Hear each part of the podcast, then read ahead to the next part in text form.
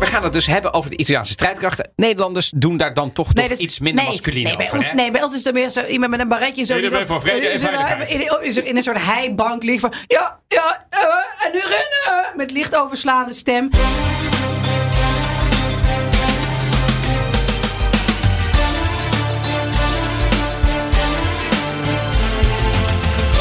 Welkom bij aflevering 58 van de Italië podcast. Ik ben Evelien Redmeijer, zoals je in Italië, in Italië zou zeggen. Evelien.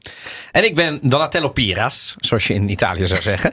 En deze aflevering gaat over de staat van defensie in Italië. Wat zijn de Italiaanse strijdkrachten? Waar bestaan ze uit? Wat doen de carabinieri eigenlijk, die alle toeristen zo goed kennen? Hoe groot is eigenlijk de lucht- en de wapenindustrie eigenlijk? En de productketen? Gaan het een beetje zakelijk aanpakken ook.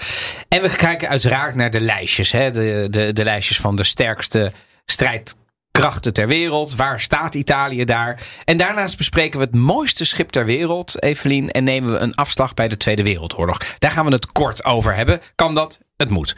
Was Italië nu bezetter? Werd het bezet? En de cultuurtip. Die is vandaag geheel in thema en heeft te maken met Goebbels en regisseur Vittorio De Sica. En gaan we het ook nog hebben welke designer de eh, Italiaanse, de, de militaire pakken maakt? Dat zou jij toch doen? Nee, nee, maar met, met, met vorige week eh, de, eh, de Alitalia. Ja, precies. Maar, Maar- ik vrees dat er geen designers betrokken zijn bij, Maar je hebt, eh, nog bij de tien, je hebt nog tien minuten om eh, research te doen. Dus Zeker, eh, al je zeker. hulplijnen mag je zo inzetten. Oké. Want we beginnen met eh, iets anders natuurlijk. Ja, want eh, om dit een beetje te kunnen verstouwen, dit soort zware Ja, kost, mogen, we deze week wel weer gewoon wijn hebben. Ik heb wijn meegenomen. Godzijdank. En het is een wijn uit Or, van Ornellaia. Dit is een witte Bulgari wijn. Ehm, en nou ja, Bulgari heb ik al al over verteld. Dus ik ga niet nog een keer heel uitgebreid vertellen. bent wat daar Bulgari- geweest. Ik ben daar geweest. Het is een van de nou ja, relatief nieuwe wijnregio's. Was in eind jaren 60 opgekomen. Maar wereldwijde kwaliteit. Rode wijnen vooral. Een beetje de Bordeaux wijnen. Maar dit is een witte wijn. En eh, ja, wat valt daarover te zeggen? Het is een vintage wijn van de, wit, van de Toscaanse Poggio Allegazze dell'Ornellaia. Zo heet het van het fameuze huis Ornellaia. En het is een blend van 70% Sauvignon Blanc met Viognier en Vermentino in ondersteunende rollen. Ehm, hij is in Nederland te krijgen via Grand Cru wijnen. Ik heb hem eh, gehaald eh, ook bij, en bij Ornellaia zelf natuurlijk. Eh, maar in Nederland via Grand Cru wijnen te krijgen. En ja, wat vinden we ervan? Laten we hem eventjes... want ehm, het is een beetje een... Het zijn de druiven, zo opgenoemd Sauvignon Blanc, Viognier en Vermentino, die mij bijzonder kunnen bekoren. Pas op, hè? Pas op met smakken en, ehm, Oh. en proeven.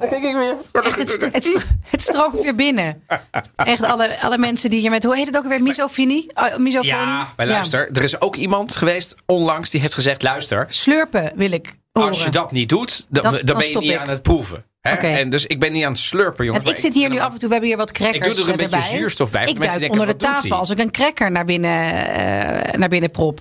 Ja, jij zit een hele paté daar te verstaan. Nee, dat is niet waar. Dat is niet waar. Nee, want we hebben hier nu kaas en paté. En die paté heeft hele grote stukken. En dat vind ik niet zo lekker. Heb je hem al geproefd? Nee, maar goed, dat zal ik doen. Maar als ik dan... Want het is een beetje, we zitten daar Oké. toch een beetje met de... Ik ga hem eerst proeven voordat ik... Voor, Ja, doe maar even. ja. Ik ben benieuwd wat je ervan vindt. Een beetje snuiven mag wel. Het komt uit 2019. Ja, dit vind ik heel leuk. Maar je, je, je, je proeft wel dat het een, ehm, een, ehm, een chique wijn is. Dat is een chique wijn. Het Dus is, het is niet... Het is, het is, en dat bedoel ik positief. Het is eh, geen eh, slobberwijn. Nee, maar, het is- weet- weet je, eh, maar, maar als je deze wijn dan opent, het kost een paar tientjes. Ja. Misschien eh, vier, vijf. Oh ja? Ja, ja. Zeker. Nou, goed. Nee, dus dat- maar dan heb je ook, ik bedoel, Ja. het is, Maar het is straks komen de donkere dagen, weer aan de feestdagen. Dit soort avonden Ja. hebben we nodig, Evelien. we- ja, als, we dit niet, als we dit niet meer hebben... Maar waar ja. gaan we dan naartoe? Ja, maar dit is dus ook prima, want we hebben wat, wat pittigere kaas erbij. Dat, dat gaat allemaal prima. Ja, maar het kan ook eh, met wat vis. Pokeball zou je er ook wel bij kunnen doen. Evelien, wat is jouw nieuws deze week? Ja, weer politiek nieuws. Want we hebben inmiddels in verschillende Italiaanse steden de tweede ronde gehad van de gemeenteraadsverkiezingen, van de burgemeestersverkiezingen. Ja, en nu weten we eigenlijk wel hoe het, hoe het eruit ziet. Er is een toch wel een linkse golf over het land gegaan. In ieder geval heeft rechts verloren. Vijf sterrenbeweging is helemaal weggevaagd. Ja. Maar toch wel heel opvallend dat er zo'n ja, opkomst eh, van links is. Ehm, rechts heeft daarop gereageerd. Salvini en Meloni hè, op de rechterflanken die hebben gezegd... ja, we zijn te verdeeld geweest. Ja. Maar ze hebben niet waar men voor vreesde, hè, op links en in het midden, dat rechts een ontzettende opkomst zou hebben. Nee, en wat mij opviel is, um, sommige Italiaanse kranten die brachten Berlusconi daar dan bij. Ja. Dat vond ik wel grappig. Want de kandidaten waren bijna allemaal van Salvini en van uh, Meloni. Mm Berlusconi deed dan bijna niet meer mee. En die werd dan lachend afgebeeld, kijkend naar die andere twee. Zo wat van, puin op die ervan maken. Ja, want ja. eerlijk is eerlijk, toen Berlusconi de kandidaten leverde, zeker in het noorden. Was wel een verbindend figuur. In ieder geval maakte, die, uh, maakte die kandidaten meer indruk. Maar het is toch ook wel wat voor te zeggen dat heel weinig Italianen zijn gaan stemmen. Ja. we krijgen een, een, linkse burgemeester in Rome. Uh, nadat uh, Virginia Raggi van de Vijf Sterrenbeweging daar jaren burgemeester is geweest. Maar uiteindelijk heeft nog geen 25% gestemd op deze burgemeester. En dat is toch wel treurig. Dus uiteindelijk zijn er heel veel Italianen um, teleurgesteld in de politiek. Misschien ook omdat er nu weer een technische regering zit. Dat ze denken, ja, het maakt niet zo uit wat we gaan stemmen of wat we willen. Het wordt toch gewoon van hoge hand besloten. Ja, of de urgentie uh, is er niet. Dus dat zou natuurlijk ook nog kunnen. Ja, want uh, hoe zie jij dat? Ik zie het wel als een soort stamp of approval voor de regering van Draghi. Deze uitslag. Zeker. Um, wat ik ook merk is dat um, uh, Salvini heeft daar ook op gereageerd. En die zei, ja, die opkomst is gewoon eh, helemaal niet goed. Dus dit, het, het, ja, we, we hebben inderdaad verloren. Dat is uh, zeker waar. Maar ja, als je gaat kijken, meer dan 70% is niet opkomen. Nou, daar heeft hij natuurlijk gelijk in. Linkse kranten maken er dan van pochi ma buoni. He, dus het ja, zijn er weinig. Ja, maar, ja, dus het is maar hoe je het framed. Ik denk ook dat het een beetje te maken hebben met gebrek aan urgentie. Het, dus in Rome uh, zou je denken, zou iedereen toch blij moeten zijn om na Raji, die heel veel bekritiseerd is, een nieuwe te hebben. Maar dat blijkt dus helemaal niet zo te zijn. Nee, nou ja, Laraji die kwam toen hè, van de Vijf Sterrenbeweging heel erg met om eindelijk de puinhopen die er in Rome op allerlei fronten zijn op te ruimen. En dat is niet gelukt. Dus ik denk wel dat veel Romeinen die in haar bepaalde hoop zagen van eindelijk geen wild zwijnen meer in de buurt, eindelijk afval dat wordt opgehaald. Even gechargeerd, maar helaas is het in sommige buurten zo. Um, en ja, die denken van ja, maar dan, dan gaat er helemaal niets meer veranderen. Maar opvallend, en ik denk dat Mario Draghi uh, er in ieder geval geen grote protest, anti-stem is geweest tegen deze huidige regering. Maar wat is jouw nieuws? Nou, dat is uh, interessant dat je het over protesten hebt. Want daar wilde ik het kort over hebben. Trieste is overigens de enige stad waar rechts wel gewonnen heeft. Ja. En uh, dit ligt nu ook al een paar dagen onder vuur, met name de haven. Want de anti-coronapasbeweging, de demonstratie, is daar al een paar dagen gaande. Nou, het zou eerst nou, megalomane proporties hebben. Ze zouden het hele, het hele land, land platleggen. Ja. Dat hebben we eerlijk gezegd dat hebben we niet not gezien. even close gezien. Nee, zelfs niet in Trieste, waar toch wel het, ja, de, de, de, het epicentrum was.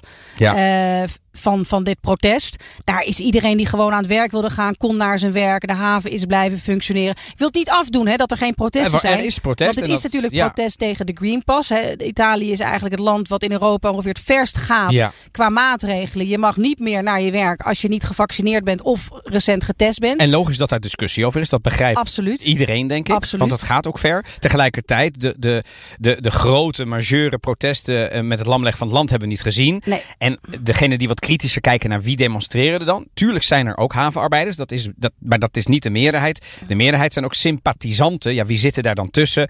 Nou, dat zijn een beetje een soort beroepsdemonstranten. Die, of het nou de G8 is of uh, ja. dit, die komen altijd. En toch een beetje de extreemrechtshoek van onder andere Casa Pound. Ja. Nou, die ken jij, die ken jij ook. Dat zijn, uh, dat zijn geen frisse jongens. Nee, en die, die sluiten zich dan aan. Dus uiteindelijk is op die manier het protest groter geworden. Omdat er heel veel mensen naartoe zijn gegaan. Um, en ik vond het toch ook wel opvallend te zien dat bij de protesten in, in Trieste, maar ook uh, in Rome. Dat ook die, die, die symbolen van het uh, Tweede Wereldoorlog worden ook in Italië gebruikt. Dus daar zie je allemaal teksten als het fascisme hebben we afgezworen. Hè? Dus dat de, de Green Pass een vorm van fascisme zou zijn. Dan ja. denk ik, oh ja, dat is eigenlijk wel een soort parallel met wat je in Nederland uh, bij die protesten ziet. Maar ja, we, blijven het uiteraard volgen hoe het met die Green Pass gaat. Want feit is dat nog miljoenen Italianen wel werken, maar nog niet gevaccineerd zijn. Nee, en dat is dan het laatste wat ik, uh, mij is opgevallen als het dan over die protesten gaat. Er, zijn, er is wel een run, bijvoorbeeld ook op Sardinië, op de vaccinaties. Dus er zijn wel steeds meer mensen die zich laten vaccineren. Als dat een doel is van de regering, schijnt dat een klein beetje te werken. Io sono stato quello che gli altri non volevano essere. Io sono andato dove gli altri non volevano andare. Io ho portato a termine quello che gli altri non volevano fare. Ho visto il volto del terrore. Ho sentito il freddo morso della paura.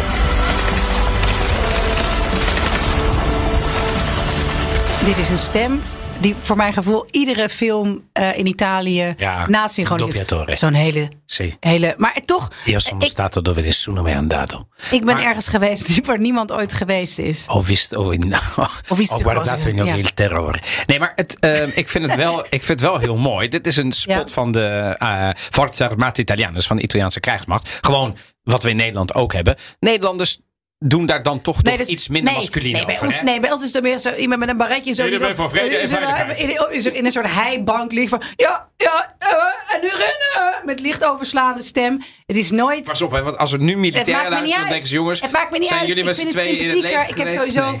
Ik zeg niet dat, dat ik, dat ik anarchistisch ben of wat dan ook. Maar Nee. ik heb met het, met, met het leger niet bijzonder veel op meteen. Nee, nee, nee, Oh. nee. Al moet ik zeggen... Maar goed, mijn ouders luisteren ook. Ik vind mannen in, milita- eh, in, in, in, in uniforms, in pekskes. Ja, maar dat kan ook een piloot zijn dus. Kan ook een piloot zijn, of maar niet een brandweerman. Brandweerman. Of, ja. of, of, een, of een noodloodgieter. Kustwacht. Dus- No, nee, maakt helemaal niet uit. Ja, plantsoendienst. Maar nu, nu, nu, echt, wat dat betreft nu snij je wel iets aan wat heel belangrijk is. We gaan het zo meteen natuurlijk hebben over de staat van We gaan het defensie wel Italië. aanpakken, hoor, mensen. Ja, maar, Voordat ja, maar mensen- een lichte toon mag over. De, de, de, het uniform in Italië is vele malen belangrijker dan in Nederland. Als je nu Ja. de politie of de carabinieri vergelijkt met wat wij aan hebben. Wij komen hier aan met fluoriserende pakken. En Ja. de politie te, te voet en vaak op de fiets. Ja, in Italië komen ze natuurlijk in vol ornaat enzovoort. Dus, en, en zelfs de boswachters zien er daaruit alsof Ja. ze zeg maar een gala-diner eh, in het bos ergens hebben. Dus uniform is belangrijk. Ja, zeker, in Italië. zeker, Uiterlijk zeker. vertoon, bella figura. Ook Zeker. nog een aflevering over. Ehm, maar we gaan het dus hebben over de Italiaanse strijdkrachten. Grofweg zijn het er vier. De Marina Militare, Aeronautica, Esercito... Ter land, ter zee. In de, nou, dat, daar komt het een beetje op neer, toch? Ter zee, ter lucht. En de Carabinieri. Ja. Ja, de Carabinieri. dus straks nog Ja, iets meer. dat is want het is interessant. onderdeel van de krijgsmacht. En dat is ingewikkeld, hoe dat allemaal zit in Italië. ja, maar wij gaan het heel kort uitleggen, zodat iedereen het vanaf Iedereen nu snapt. Evelien, ken jij militairen in Italië? Nu lijkt het een- bijna een soort eh, gewetenskwestie. Iedereen heeft altijd een beetje grapjes te maken over mijn exen. Er zitten geen militairen tussen. Ik ken wel... eh, Je hebt toch wel dienstplicht, of niet? Eh, jawel, jawel, dat was ja. wel. Ik ken, ik ken vooral mensen, want die is in 2004, 5 afgeschaft, geloof ik, de dienstplicht. Ja.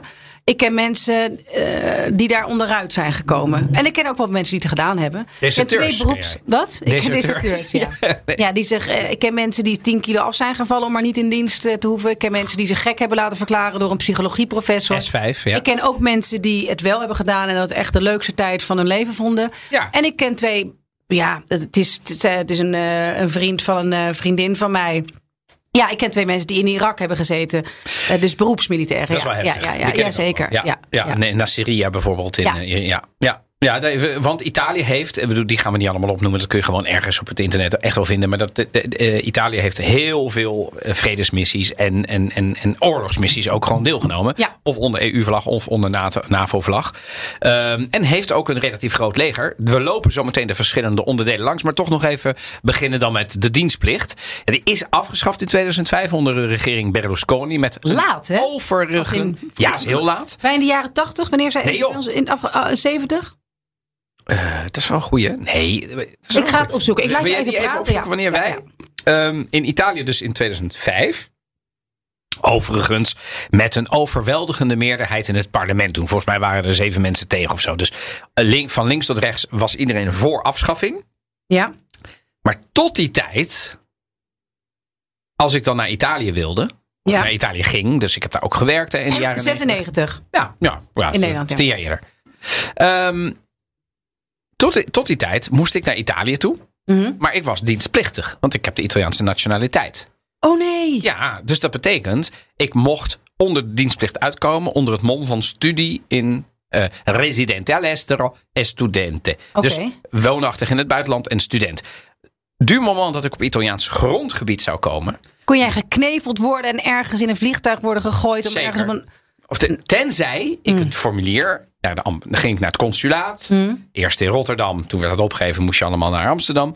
Eh, moest ik een formulier ondertekenen, dan moest je daar een afspraak voor maken. De Italiaanse bureaucratie, dan kreeg je een stempel, Evelien. Ja, stempels houden ze Ja, van. moest hebben, precies stempel, moest dan worden door de consul-generaal moet ondertekend. En binnen 24 uur op Italiaans grondgebied moest je naar de dichtstbijzijnde Carabinieri toe gaan. Moest je daar ook je formulier laten afstempelen. Van, u bent hier geweest, u heeft permissie, tik-tak. Als je dat niet zou doen en ik zou worden aangehouden, hadden ze je, theoretisch hadden ze je meteen het leger mogen flikkeren. Ja? Je gewoon meteen een mitrailleur omgehangen en gaan. Ik zou het niet doen bij mij. Ja. Maar tenminste, ongetraind. Maar Heb jij ooit wel eens geschoten? kleiduiven schieten telt het ook? Mm, weet ik niet. Wel met een, maar niet, maar met een beretta. Pang! bang, maar niet, met- niet op zo'n schietbaan. Ja, dat, was, dat is ook op een schietbaan. Ja, maar ja, ja, ja. Nee, dan schiet je op, ik bedoel, dan schiet je op zo'n projectiel. Ja, ja, dat is wel echt schieten. Ja, dat is wel echt schieten. Met zo'n enorm ding met een terugslag. Dus Ik heb le gelezen game. Telt dat? Misschien niet. Paintballen. Paintball. Paintball heb ik wel gedaan. Ja, toch? Ja. Met iemand, Doet best met pijn overigens trouwens, iemand die in het leger heeft gezeten. En? Met Sergio. Nou, dat was echt helemaal niet leuk. Want die gingen... We hadden gedacht, haha, de jongens tegen de meisjes. Want die jongens waren helemaal niet zoveel stoerder dan die meisjes. Ik denk dat die meisjes wat stoerder Behalve maar als je ze pistolen geeft. Nou, nee, Oh. echt. Maak je geen Oh. illusies. Maar deze Sergio, net terug van missie uit Irak, die ging op een gegeven moment gewoon iedereen stati- sta- stationeren. Stationeren. Sta- Stationeren. stationeren. Gewoon Dus iedereen- ja, van ja, taken geven, taken geven. En mensen uit, ja, dus, dus het was helemaal niet leuk. En hij was gewoon heel, nee, nou, niet heel agressief, maar gewoon eh, volhardend. Dus toen heb ik wel. Ehm, het, was voor hem, het was voor hem geen spel. Hij, hij, nee, nee, hij had gewoon wel. Dus, dus meteen de hele veldslag in zijn hoofd. Die ja, en het maakt, het maakt, ja, dus dat. ehm, overigens niet getraumatiseerd, voor zover ik weet. Maar daar heb ik toen wel geschoten. En ook met een militair. Dus dat komt nu. Kijk, de beide verhalen komen samen. coming back to maar ik heb dus toch nooit geschoten. En ik heb er ook geloof ik niet. Er zijn mensen die dat dan heel interessant zouden vinden om te voelen hoe het is om Ja. met een eh, pistool te schieten. Maar terug naar jou, want jij was bijna, had, hadden ze jou bijna een mitrailleur omgehangen. Nee, ja, maar dat was dus de praxis toen. Dat, ik moest het iedere keer moest je naar de carabinieri Ja. toe, dan moest je dan weer wachten, en dan moest je naar de commandanten. En ik heb dus daarvoor wel verschillende. Overal waar ik was, ging ik dan naar de carabinieri toe. Ja. En dan hup, hup, hup, en dan moest je weer in die wachten. En dan kwamen er weer een paar criminelen werden dan binnengeleid. Dat was al, Wat eh, goed. Fascinerend. Ja, dat was heel, eh, jarenlang moeten doen. Tot ik Ja. eh, de, de, de, de niet meer dienstplichtig, dienstplichtige leeftijd bereikte. Waarvan ik nu niet meer weet wanneer dat is. Het is zo lang, lang ago. Ik ben alweer bijna. Best lang, best lang trouwens, volgens mij. Is dat ergens. Nee, ik durf dat nu even niet te roepen. Nou, dank je. Laten we de verschillende onderdelen langslopen. En dan beginnen we met de Marina Militare. Die is opgericht in 1861. Bij- net als bijna alle andere, behalve de aeronautica. Want er werd nog niet echt gevlogen in 1861. Eh, ontstaan uit de Regia Marina. Die weer ontstond uit de marine van Sardinië, Sicilië, Toscane en de Kerk. Toen kwam de eenheid van Italië in 1861. En ehm, als we gaan kijken naar Italië, heeft het best een grote vloot. Met ook twee vliegdekschepen. Die veel internationale NATO, VN en EU-missies worden ingezet. En die ehm vliegdekschepen worden in Italië zelf gemaakt door Fincantieri. Een groot beursgenoteerd bedrijf in Trieste. Dat met 20.000 medewerkers ja, ongeveer alles bouwt. Dat vaart, eh, vliegdekschepen, onderzeeërs, militaire schepen. Maar ook cruiseschepen en boorplatforms. Dus dat is echt wel een multinational. En als we dat er dan. ehm, eh, Italië heeft ook, als je naar de industrie kijkt, is een van de weinige landen ter wereld met een volledige productketen in eh, de ruimtevaartsector. Maar ook dus in sectoren zoals de luchtvaart, aerospace en defensie. Maar ze hebben dus ook, als je gaat kijken naar, ehm, ehm, naar, naar zeg maar de, de Fincantieri, zijn ze ook al goed in. En ik moet eerlijk zeggen dat ik dat wel wist, maar toen ik me hierin ging verdiepen en zag wat ze uiteindelijk ieder jaar weer maken. Overigens in Napels maken ze bijvoorbeeld ook prachtige vlieg, eh, vliegdekschepen. Ehm, in, 19 in 2028 komt er een nieuw vliegdekschip. Volgens mij gaat dat de Trieste heten. En dat wordt een nog groter schip. Dus Italië gaat niet afbouwen. Italië gaat juist meer doen. Oké. Eh, en de Italianen gaan de praten op het mooiste schip ter wereld te hebben. En dat is namelijk het eh, opleidingsschip Americo Vespucci. En dat is een zeilschip. Misschien Ja, maar die heeft toch wel eens hier ook met de sail? Ja, maar die komt, die loopt. Het is het Was het nu maar een quiz geweest? Ja, maar ja, dat heb jij heel goed. Fuck. Oké. Het is een tweeling van het schip Cristoforo Colombo. Dat Ja. uit Amerika ontdekte. Ontworpen door Francesco Rotundi. En het is een zeilschip. En het is echt een symbool van Italië in de wereld. Het gaat ook overal waar het komt. Ik heb het één keer in, in, eh, in Amsterdam gezien. Eén keer in mijn jeugd. Volgens mij was het toen ergens op Scheveningen. Maar daar wil ik vanaf zijn. Sorry mam.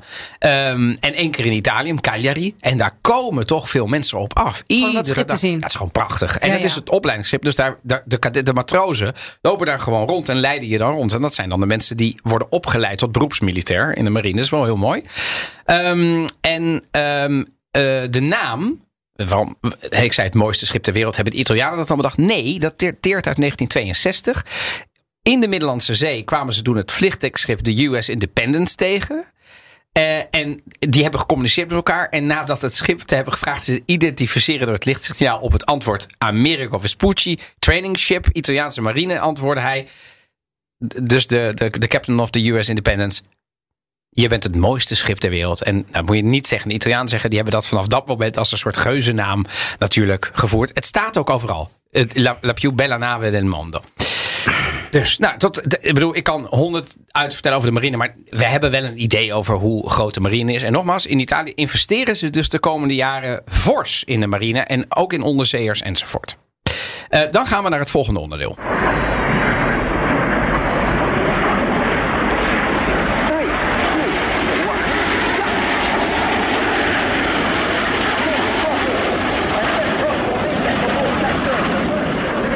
Right, uh, solo pilot coming for the first figure.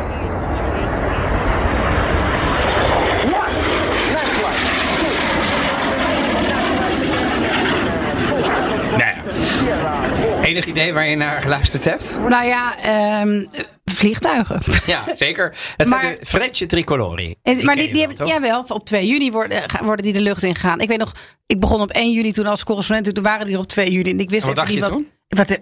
Het is oorlog! het is oorlog!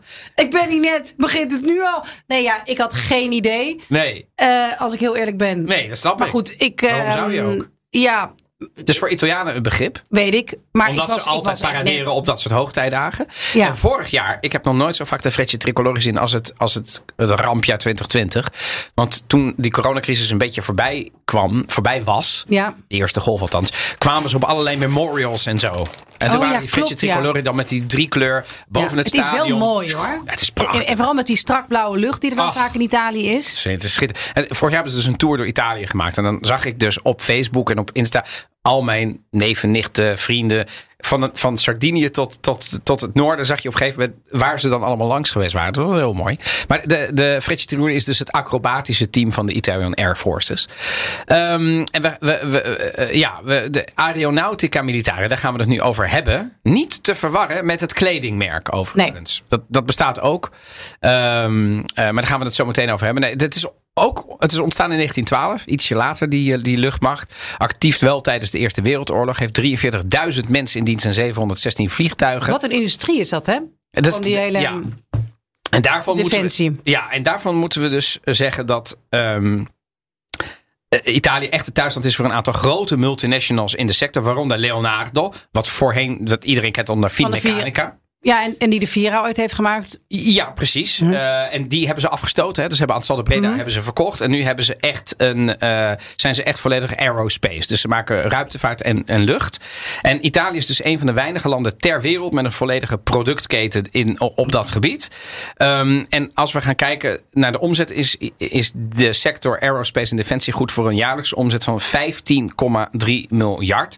En dat is bijna vier keer zo groot als de sector in Nederland. En Italië staat wat dat betreft op de zevende plek ter wereld en op de vierde plek in Europa. Dus Maar ze investeren best veel in die, in, die, in, die, in die industrie. Waarom staat er altijd iemand...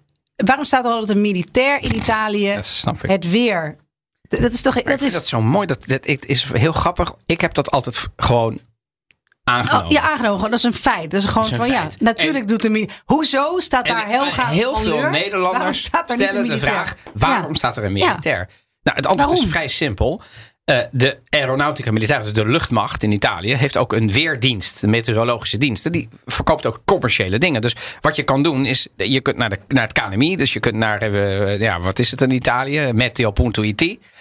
Maar de Aer- Aeronautica Militare heeft dus ook een, een, een zeer goed werkende meteorologische dienst.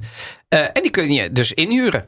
En wat gebeurt er dus? Dus de vaste weerman van bijvoorbeeld de RAI is heel lang een colonnello geweest. Ja, En ook van heel veel regionale. Dus google maar op eh colonnello eh, aeronautica. En dan meteo. En dan zie je dat. Dus het is, de- de- maar, maar daarom. En, eh, en, en het zijn militairen. En dus komen ze in uniform.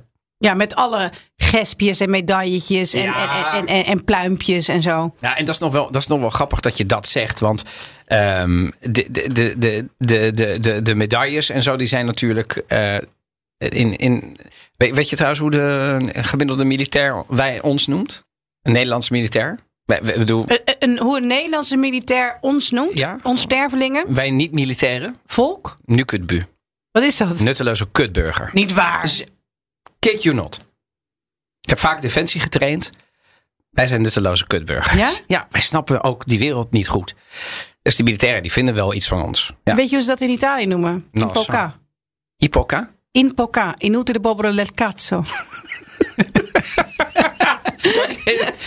Ze staat daar brava. Ik heb ja. heel, heel snel Maar het is nadenken. ook wel heel grappig dat Ik ze... ga hem heel- heb- heel- heel erg hard na- Ze hebben ook allemaal trucjes. Dus ik weet nog dat van, van mijn neef heb ik vroeger... Was dat nou onaardig? Ik, ik Wat? zeg toch niks onaardigs over die militairen. Dan zijn wij een stel eh, nutteloze kutburgers. Ja, dat zijn wij ook. Wij doen maar niks ik voor vind het ze ook land. best wel. Ja, maar ik vind ze ook. Ik doe niks voor het land. Nee. Ik word 's ochtends wakker. Ja, en ik begin Nee. met iets voor het Ja. land maar doen. jij, bent, jij, bent ook, jij bent een journalist, dus jij bent ook nuttig voor de ik doe echt. Ja. Ik doe constant. Ik doe niks anders. Dat is wel waar. Echt. Ja. Ik doe te weinig voor En wij mezelf. maken de Italië-podcast. En maken de Italië-podcast. Ik ken trouwens deze. Je maakt nu een soort. Ja, Wat is dit? dat moet je kunnen als militair in, in, in, in bij de dienstplicht. Ja, Ja, dus de, je, je, je, je wijsvinger moet... Als je dat dus niet kon, Ja. dan was je dus ook weer van alles. Dan werd je gewoon gefeut.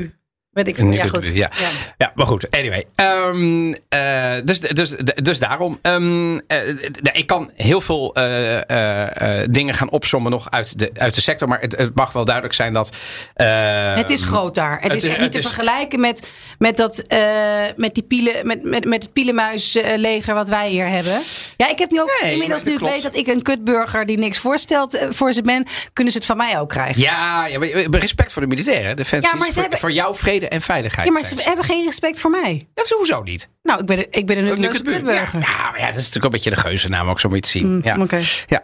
Ehm, eh, eh, maar ehm, ja, laten we eventjes ehm, hier naartoe gaan. Bel tempo si spera, le previsioni in carne ed ossa e le nostre, il nostro pubblico, Tenente Colonnello Massimiliano Monucci, si sono già innamorati di lei. Daar is hij. Tenente Colonnello. Dit was dus weer zo'n. Dit is ook weer een van de nieuwsstations. Dus ik, ik heb het een beetje opgezocht. Er zijn best wel veel weerstation, eh, eh, televisiestations. die in het verleden, maar ook nog steeds gebruik maken van die Tenente Colonnello. En dan komt er dus weer iemand van de Aeronautica Militare. Overigens is het ook een kledingmerk. Officiële partner van de luchtmacht. Dus zij mogen ook de emblemen en zo gebruiken. Ook van de Frecce Tricolore. Is Italiaans. Kun je kopen op diverse luchthavens. Onder andere in het, eh, door Nederland zeer bekende Orio al Serie. Omdat Ryanair daar natuurlijk op vliegt.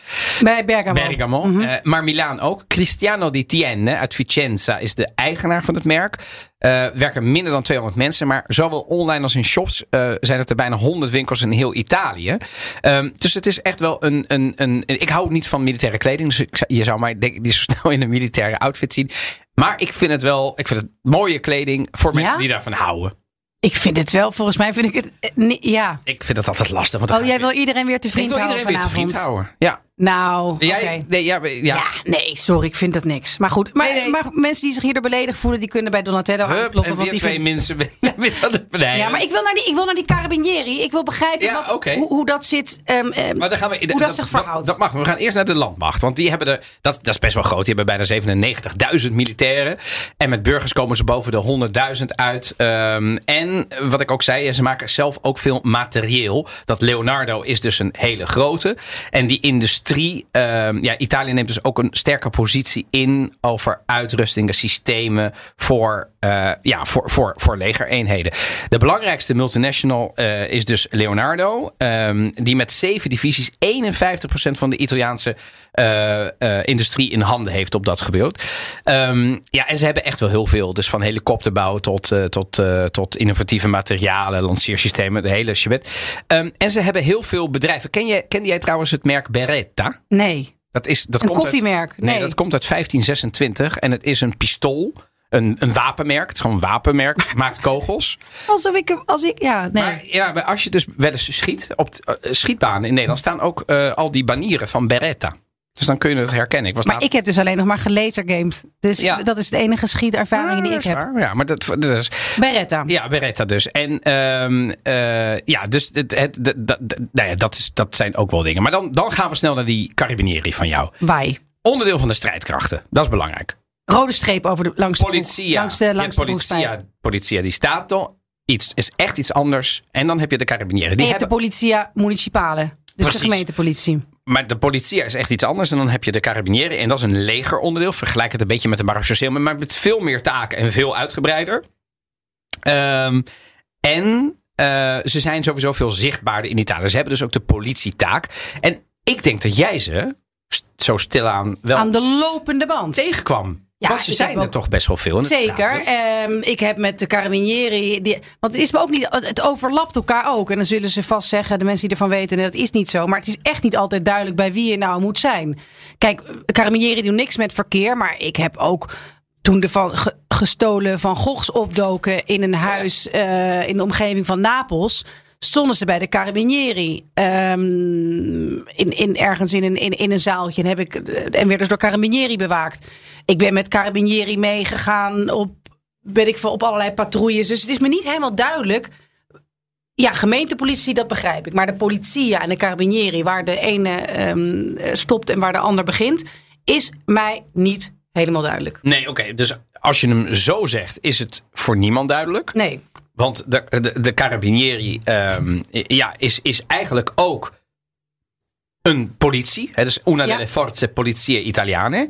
Eh, maar ze hebben dus... ehm, ze hebben geen eh, de gene- eh, competenza generale, zoals dat heet. Dus ze hebben een, een, een algemene eh, competentie. Dus ze mogen over het hele grondge Italiaanse grondgebied gaan ze. Ja. En eh, het ga- ze gaan over de nationale publica sicurezza. Dus over de burgerveiligheid. Ja. Ehm, en ehm, ze, ze, ze, ze zijn dus ook officieel strijdkrachten. Wat ik er wel bij moet vertellen. Het Korps van de Carabinieri is opgericht in 1814. In opdracht van de koning, Vittorio Emanuele di Savoia. Inmiddels valt het in de Republiek Italië. Deels onder het ministerie van Defensie. Ja. Maar ook onder het ministerie van Binnenlandse Zaken. En dat is waar de politie ook onder valt. Dus dat is interessant. Maar dat, ja. Ja. ja. Er het, werken wordt, dus- het wordt er niet duidelijker op. Nee, nee, nee. En er werken 105.000 mensen bij de Carabinieri. Dus het is ook eens een keer heel groot. Verschillende rangen. In Italië staan ze overigens bekend over de vele moppen. Waarom? Omdat de politieagenten stom, Carabinieri dom zouden zijn? Er zijn een, het is, het is zoveel Belgen moppen als in Nederland zijn er in Italië moppen over eh un carabiniere. En, Oh ja, dat en was- ja, en Maar dat- weet, je, weet je waar ook eh, heel veel moppen over zijn in Italië? Nee. Francesco Totti. Ja. Als, als de ultieme domme eh, eh, dommerik. Ja, ja. Dat, dat verbaast je. Nee, maar, nee, nee, maar dat vind ik gewoon grappig. Vind ik Ja. gewoon grappig. De oud, eh, Maar, maar hij heeft zelf, weet je dat hij zelf overigens ook een keer een, eh, hij heeft zelfs een keer een moppenboek uitgebracht. Ja, ja, precies. Dus die heeft er op een gegeven moment ook geld aan verdiend. Hij is wel slim, dus Ja, je kunt hem wel dom dat- vinden. dat- maar... Nee, ja, dat, eh, ik zit even te kijken hoeveel carabinieri ik in mijn... eh, Ja, in jouw vriendenkring heb? Ja, nee, in mijn, schenk nee, ik jou... nee, in, Gaan mijn, ze allemaal bellen, ja. in, mijn, eh, in mijn balboekje. Oh, Nou ja, gewoon met wat je dan in je telefoon hebt staan. hoeveel mensen heb jij gedate? Ja, ik heb bijvoorbeeld... Nee, niet gedate. Ik heb gewoon Oh. een carabinieri gedate. Hou op. Ik zat even te denken, mijn nichtje is nu Maar dus ik heb dus gewoon met de Carabinieri. carabinieri over, eh, over va- vervalsen van munten. Daar kom je dus ook Ja. bij de carabinieri uit. Blijkbaar. Maar ja. Ja, nee, dus dat. Dus, Maar ik heb dus even opgezocht wat hun taken zijn. Ja, en die kan ik allemaal opzommen, dan zijn we morgen nog niet klaar. Maar het onder andere Polizia di Frontiera. Ja, Nou, dus, dus de grenspolitie. Ehm poli- protezione civile, dus de burgerbescherming. Ja. Polizia ambientale, dus de milieubescherming. dat valt allallemaal onder de carabinieri. Ja, polizia militare, polizia giudiziaria, reparto investigazioni scientifiche. Dus er, ze hebben, eigenlijk hebben ze gewoon full competence. Maar ook de politia di Stato heeft dat. Dus er zijn in Italië gewoon twee entiteiten die more or less the same doen. waarbij er onge- één strijdkrachten zijn en de andere dus niet. Bekend, want nu komen we een beetje op de uniforms. Evelien? Ja, ik ben, bang, ik ben er. Bersaglieri. Ooit van gehoord? Nee. Bersaglieri. Nou, Bersaglieri, dat zijn die eh carabinieri met die zwarte veren. Die hebben dan hier zo'n tooi met een heleboel zwarte veren. En als je googelt op Bersagliere, ik zal er ook eentje laten zien Ja. op Instagram. Eh, niet te verwarren met de Alpini. Die hebben namelijk maar één veer. Dat Ja, zijn de alpinisten. De huidige coronageneraal Figlioli is daar één van. Maar de Bersaglieri die mogen niet ontbreken. Zij dienden in hun markante klederdracht met zwarte veren. De orde en veiligheid in Italië. Zijn officieel in een eh, special for een elite troep in eh, Piemonte. Het zijn scherpschutters, dat betekent het. Hè? Een bersagliere is een scherpschutter. Dat waren lichte infanteristen die voor de voorhoede van de hoofdmacht ingezet konden worden. En opereerden soms ook in kleine groepjes. En ze hebben een hele belangrijke rol gespeeld tijdens de eenwording van Italië. En voor het grote publiek kennen we ze hiervan.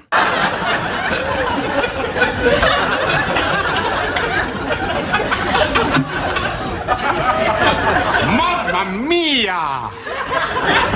A beautiful lady. I kiss your hand. Captain, Captain Petrelli, officers in the German army do not kiss the lady privates. What a mistake the maker. Well, you Germans, you like the war. We Italians, we don't want no trouble. We Trabel. Dit is... the love and we sing. One night. Dit is Captain Alberto Bertorelli. Het, eh, een, een, het, uiteraard een personage. Het was gewoon een Britse acteur. Uit Allo Allo.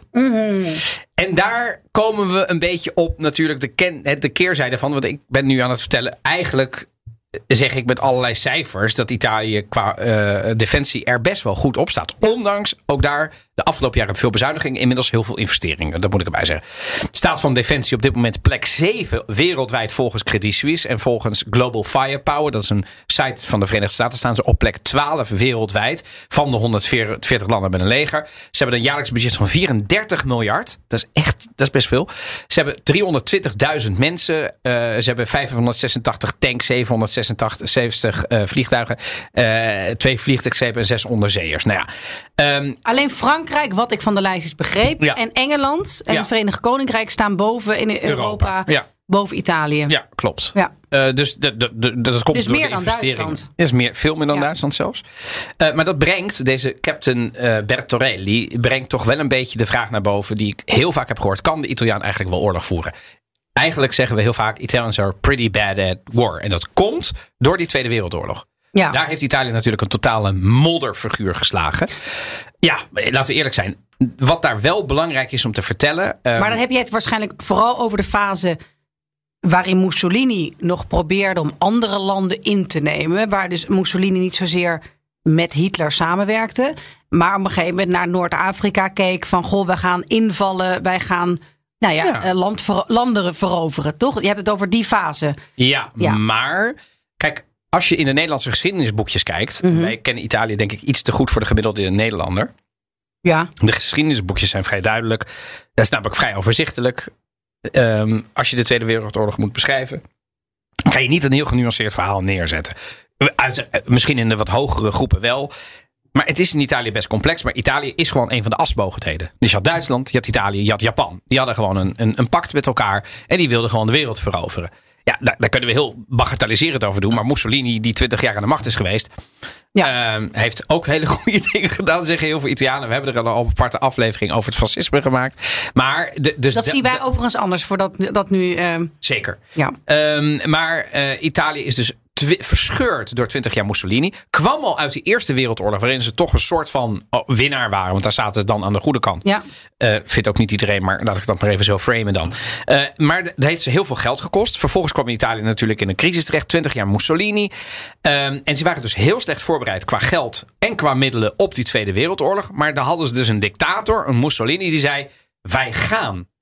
Nou, eerst moest hij niks hebben van Hitler. Toen is hij uiteindelijk toch, toch tot die asmogendheid toegetreden. En daarna vocht Italië dus in, oh, in Griekenland. Heeft Albanië veroverd. Heeft mijn beide opa's en met hem vele generatiegenoten naar Afrika gestuurd. Een van mijn opa's is krijgsgevangen genomen. Heeft zeven jaar in Groot-Brittannië gezeten. Kortom, het was een ramp. Het Ja. was een totale ramp. En daar komt, zeker Britten, die natuurlijk aan de geallieerden meevochten, die nog altijd de, het, het, het, het beeld hebben: Italians, they're the lovely people, they have a beautiful country, but they are they're, they're pretty bad at war. Dat is, als je de hele geschiedenis van het land Italië bekijkt, eh, niet waar. Dat Als ze je- slecht zijn in oorlog Nee. voeren. Nee, die hebben. Die, nee. Maar ga je dan terug naar de Romeinse tijd? Nee. Ik bedoel, heel Ita- nee, maar ik bedoel, eh, eh, als je Italië en al zijn voorlopers, de Venetianen, de Genuezen, de. Nee, oké, maar je gaat, dus wel, je gaat dus wel. Nee, eh, ik neem terug. alles mee. Ja, dus je neemt niet. En de Eerste kijk- Wereldoorlog neem ik dan ook maar mee. Dat, bedoel, dat, ging, dat, dat was een vreselijke oorlog. Gaan we het ooit nog wel een keer over hebben. is een aparte podcast waard. Maar wat daar gebeurde, daar, er is maanden achterin gevochten. En Italië heeft honderdduizenden mensen verloren. Maar ze hebben uiteindelijk wel grondgebied gewonnen. Dus they're not bad at war. Ik bedoel, ik, ik vind het ook een beetje een hele gek om in deze tijd te gaan zeggen dat je goed, je goed bent in de oorlog. Wat Nee, is dat nee. eigenlijk? Maar eh, eh, eh, het feit dat al- alle Italianen lafaarden waren. En Ja. dat is gewoon niet zo. Maar dat is wel een frame wat heel vaak bestaat. De, de nuance, Evelien, die ik wel wil maken, is dat uiteindelijk Italië heeft gevochten tegen de Duitsers. Ook aan geallieerde zijde. Niet alleen door de partisanen, maar Italië heeft uiteindelijk heeft zich ook, heeft, heeft zich ook aangesloten. Hè? Dus die heeft op een gegeven moment ook gezegd. Eh, we, we, stoppen ermee. En, en bijna alle Italianen zouden, zullen de Duitsers de bezetter noemen. Dat doe je niet als, je dat, als dat je, je, je, je bondgenoot is. Ja, maar dat is het wel lang gelezen. Ja, dat, Nee, nee, maar dat, het feit dat ik bedoel, heel veel Nederlanders zullen zeggen: nee, maar de Italianen zaten en wa- waren geallieerden aan. Hè, de asmogendheden, as van het. Ja. Eh, dus Italië was ook fout. Prima, mag je allemaal vinden. Maar de, als je naar de gemiddelde Italiaan gaat, dan eh, zullen die Duitsers als bezetter zien en de geallieerden als bevrijder. Dus die, zij voelden zich ook bezet door de Duitsers. Ehm, en feit is dat Italië met de vrede van Parijs, eh, na de desastreuze oorlog, heel veel grondgebied heeft verloren. Istrië, de Dodecanessos eh, in Griekenland, alle koloniën, Ja. eh, onafhankelijk van Albanië en terecht heeft moeten onderkennen enzovoort. Dus dat is wel iets. En eh, de, de, de rol tussen de fascisten en de partizanen is natuurlijk heel groot. Ehm, en dat is altijd weer een mooie gelegenheid voor het draaien van het volgende nummer. Stamattina mi sono alzato. Oh bella ciao, bella ciao, bella Ciao, ciao, ciao. da. Mi sono alzato e ho trovato l'invaso. En ik heb gevonden de bezetter. Portami via. Nog één keer dan. Ja, het is inmiddels gewoon vooral door La, la Casa, ja, la, Casa de Papel. Casa de Papel. Ja. Ja. Mijn Netflix staat op het Italiaans afgesteld, afgesteld dus af en toe kom Casa ik dan- del Papel. Nee, la, eh, la Casa di Carta. Ah, wel, natuurlijk. Ja, de Casa di Carta, ja. La Casa di Carta. Maar, maar Grappig. dus, dus daar, dat, die hebben dat lied helemaal... eh, Ja, toch weer opnieuw. eh, ja, ja. ja. maar ook, het is ook een soort verzetsnummer. Ja, het is een verzetsnummer. Er zijn, het, is, het is een tijd toen Salvini in de regering zat.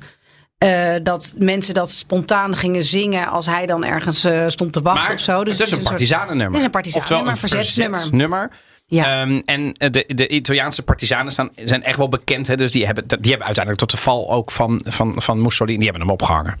In Piazza Loreto in Milaan. Goed, nog één wetenswaardigheid voordat we naar de cultuurtip gaan.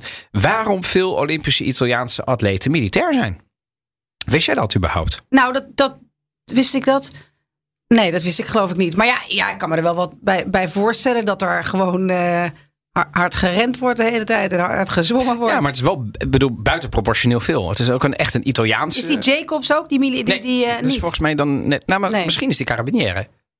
Nee, eh, dat zag ik er niet meteen ik- dat ging ja. ik even opzoeken. Maar, Maar, het gaat met name om de bonden die dus... Kijk, de voetballers hoeven niet te doen. Die hebben een hele sterke bond. Tennissers ook niet. Maar er zijn heel veel bonden die, die ook niet heel veel geld hebben. De skiers enzovoort. En daar zitten dus heel veel mensen van de Carabinieri, van de Esercito, van de, van, dus van de Forze dell'Ordine bij. En die, die krijgen dus ook geld van de, eh, van, de van de Italiaanse strijdkrachten. En volgens mij gaat het bij de, bij de Olympische Spelen om een derde van de equipe.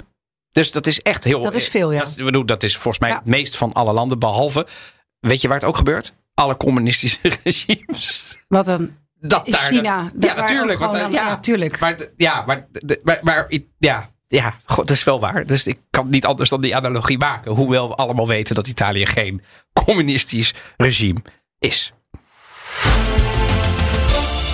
Ja, dat brengt ons dan. eh, ten- tenzij jij natuurlijk. eh, heb, je, heb je Jacobs al. eh Nee, weten we nee, of die. nee. Dat is geen militair. En geen militair en geen carabinieri. nee, dat is gewoon een normale burger. Ja, gewoon een... En, en, en, en zeker geen nutteloze burger. Hè? Met zijn gouden medaille op de 100 meter, verdorie. Vittorio De Sica esordisce sul grande schermo a 17 anni ne Il processo Clemenceau, un film in costume al fianco della mitica Francesca Bertini. Diplomatosi ragioniere, nel 1923 riesce ad entrare nella prestigiosa compagnia teatrale della russa Tatiana Pavlova. Ga je zo, zo meteen vragen A wat 26 volgende week anni è già un celebrato attore giovane e tre anni dopo primo attore per Guido Salvini. Ja, dit is eh, Vittorio De Sica. Althans, je hoort een voice-over die praat over Vittorio De Sica. Het is hem niet zelf. Ehm, en de- laat ik even horen, omdat eh, de docu op Netflix die ik ga aanprijzen geen trailer heeft. Althans, niet één die ik eh, kon gebruiken. Maar het is een, vind ik, prachtige eh, trailer op Netflix. Of een prachtige documentaire op Netflix dit keer. Het heet eh, Vivere sulle orme di Vittorio De Sica. Dus eh, leven op, in de voetsporen van Vittorio De Sica. Het waar gebeurde verhaal in een door de Tweede Wereldoorlog verscheurd Italië. Door de ogen van regisseur Vittorio De Sica. Die door Jozef Goebbels mannen van de set werd gehaald. In het door nazi bezette Rome. Nou, en dan komen we in, en volgens mij is het een docu van een minuut of 40, 50, zoiets. Dus je, het is ook nog, het is niet eens iets waar je, waar je heel lang eh, voor, eh, voor, voor vrij moet maken. Ehm, maar wat je daar dus ziet is bijvoorbeeld, w- wat mij opviel, parallellen zoals de avondklok. Hè, waar hebben we dat meer gezien? Dat was natuurlijk toen, hè, die avondklok gebruikten ze. Ehm, en die films die ze toen maakten, die, die namen ze ook op in de nacht. En dan gingen ze gewoon binnen zitten. En dan veinsden ze, en dan veinsden ze ehm, ehm, eh, dat het daglicht was met, met allemaal doeken. En dan gingen ze door tot vijf uur ochtends. Want anders konden ze niet doorfilmen. En dan gingen ze ochtends slapen. En dan hadden ze weer een beetje vrijheid. En dan gingen ze dat weer doen. Eh, Italië wordt daar in deze docu stelselmatig, de, Duitsland wordt daar de bezetter genoemd. En ze hebben het over de bevrijding. Ehm, en wat ik heel heftig vond, want ze, ze monteren de oude beelden in. Eh, dwangarbeiders. Hè. Eh, dan weer was er weer een razzia. Werden er heel veel Italianen opgepakt. Echt niet alleen maar eh Zigeuners, Joden of enzovoort. Iedereen werd opgepakt. Werden gegijzeld. En de Romeinen die wachten dan op de geallieerden. Want die waren dan 20 kilometer voor Rome. Die kwamen maar niet. En dan zagen ze dat de eh, Duitsers allerlei Amerikanen gevangen hadden genomen. Die dan door een hele, met een hele lange stiert onder het Colosseum moesten paraderen. Alsof het zeg maar een soort dieren waren. Dus nou, ik vond het een, ehm, een, een, een, eh, prachtige. Ik ga niet helemaal de clue vertellen. Want wat Joseph Goebbels ermee te maken heeft. Maar het is wel een hele ehm, aangrijpende documentaire. Over een van de beste regisseurs van Italië. Vittorio De Sica. Ja, dan zijn we al aan het einde gekomen van aflevering 58. En ik ben benieuwd, Evelien, 59, waar gaan we het over hebben? We gaan het hebben over een iets zachter, een iets lieflijker onderwerp dan vandaag. Dit, dit, dit wapengekletter, Bam, bam. tanks die voorbij reden. We gaan het hebben over de liefde voor het land. Zo. Hoe Italianen zelf in de liefde zijn. Zijn het Casanova's? Eh, hoe zijn, zijn het moederskindjes? Zijn ze jaloerser dan anderen? Gaan ze meer vreemd dan ehm, eh, andere mensen in andere landen? Nou ja, we gaan er gepassioneerd over praten zonder zoetsappig te worden. Volgende week in Italië podcast. Alles over l'amore. Labore! Wil je nog meer afleveringen van de Italië podcast luisteren? Dan vind je ons uiteraard in de BNR-app of je favoriete podcastplayer. Bedankt voor het luisteren. Alla prossima. Ciao, ciao.